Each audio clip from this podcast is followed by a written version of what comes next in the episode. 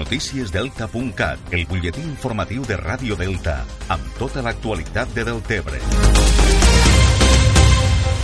El govern del Nairem del Tebre confia poder reemprendre en les pròximes setmanes les obres de la plaça de les Dones després que s'hagi modificat el projecte per a incloure les obres que es van executar fora del projecte inicial. Concretament s'ha ampliat l'àmbit d'actuació en 765 metres quadrats i s'ha inclòs les obres que es van fer al carrer Martín Buera i que no estaven previstes al projecte original. Així l'obra ha passat de tindre un àmbit d'actuació de 2.631 metres quadrats a 3.396 i el que ha suposat un increment del el cost de l'obra de 43.688 euros que es finançarà via préstec. El tinent d'alcalde de Deltebre Territori, Francisco Castro, ha insistit en declaracions a Canal Terres de l'Ebre que s'estan fent els passos necessaris per poder acabar l'obra este principi d'any. Aquesta ampliació és per a donar una mica de, de contingut al que són les obres i la continuïtat i deixar l'obra en el seu estat òptim per a poder-la entregar. Bàsicament l'obra està molt avançada, la finalització de l'obra serà imminent. En aquests moments doncs, estem dins d'una un, una situació eh, bastant normal, el que passa que s'ha de fer els tràmits pertinents per a concloure l'obra com toca, en tota la transparència que desitgem i poder-ho fer de la millor manera i atenent que, que dins del pressupost de l'Ajuntament que pugui encabir-se tot el que és l'execució i la finalització de l'obra.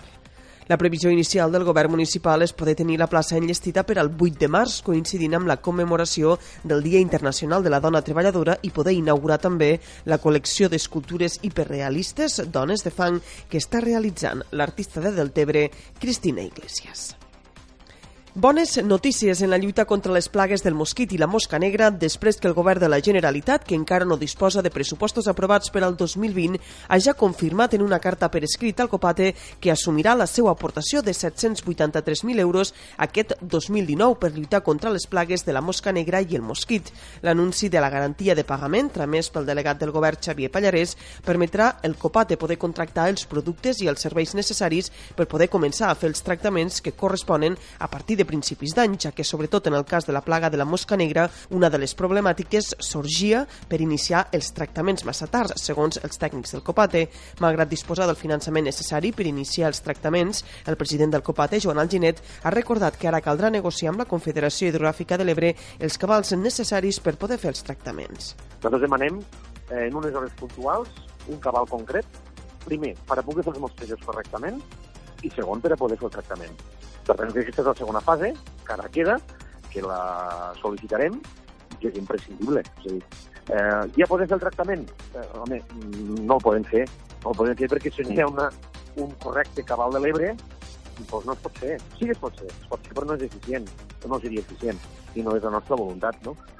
Per tant, mm, celebrem eh, la celeritat en la qual arriba aquesta carta, però evidentment ara queda la segona part. La segona part que condiciona, evidentment, l'eficiència del, del tractament. Segons el Ginet, el Copateu té ja tot tècnicament previst per iniciar els tractaments a partir de la setmana vinent. Ha insistit, però, que abans és imprescindible que el govern gestioni amb la XE els cabals necessaris. Més qüestions, la consellera d'Agricultura, Teresa Jordà, farà avui dimecres una reunió de treball amb els representants de les comunitats de regants de l'esquerra i la dreta de l'Ebre.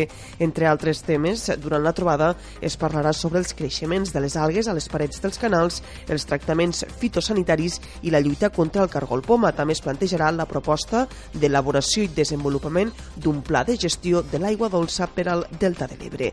La reunió serà esta tarda a la seu de la comunitat de regants de la dreta de l'Ebre a Amposta. I encara afegim que la companyia del coreògraf Roberto Olivan portarà l'espectacle Socarrel al Festival Tradicionarius de Barcelona. Socarrel és un espectacle que naix de la fusió del moviment, l'electrònica i la polifonia tradicional amb la participació de Roberto Olivan, el ballarí Magí Serra, l'artista electrònic Lauren del Forge, el quartet de veus occitanes Vox Viguerri i el ceramista Joan Panicello. L'espectacle es podrà veure al Centre Artesà de Gràcia el pròxim 28 de febrer. Això és tot per ara. Més notícies al portal Delta Bye.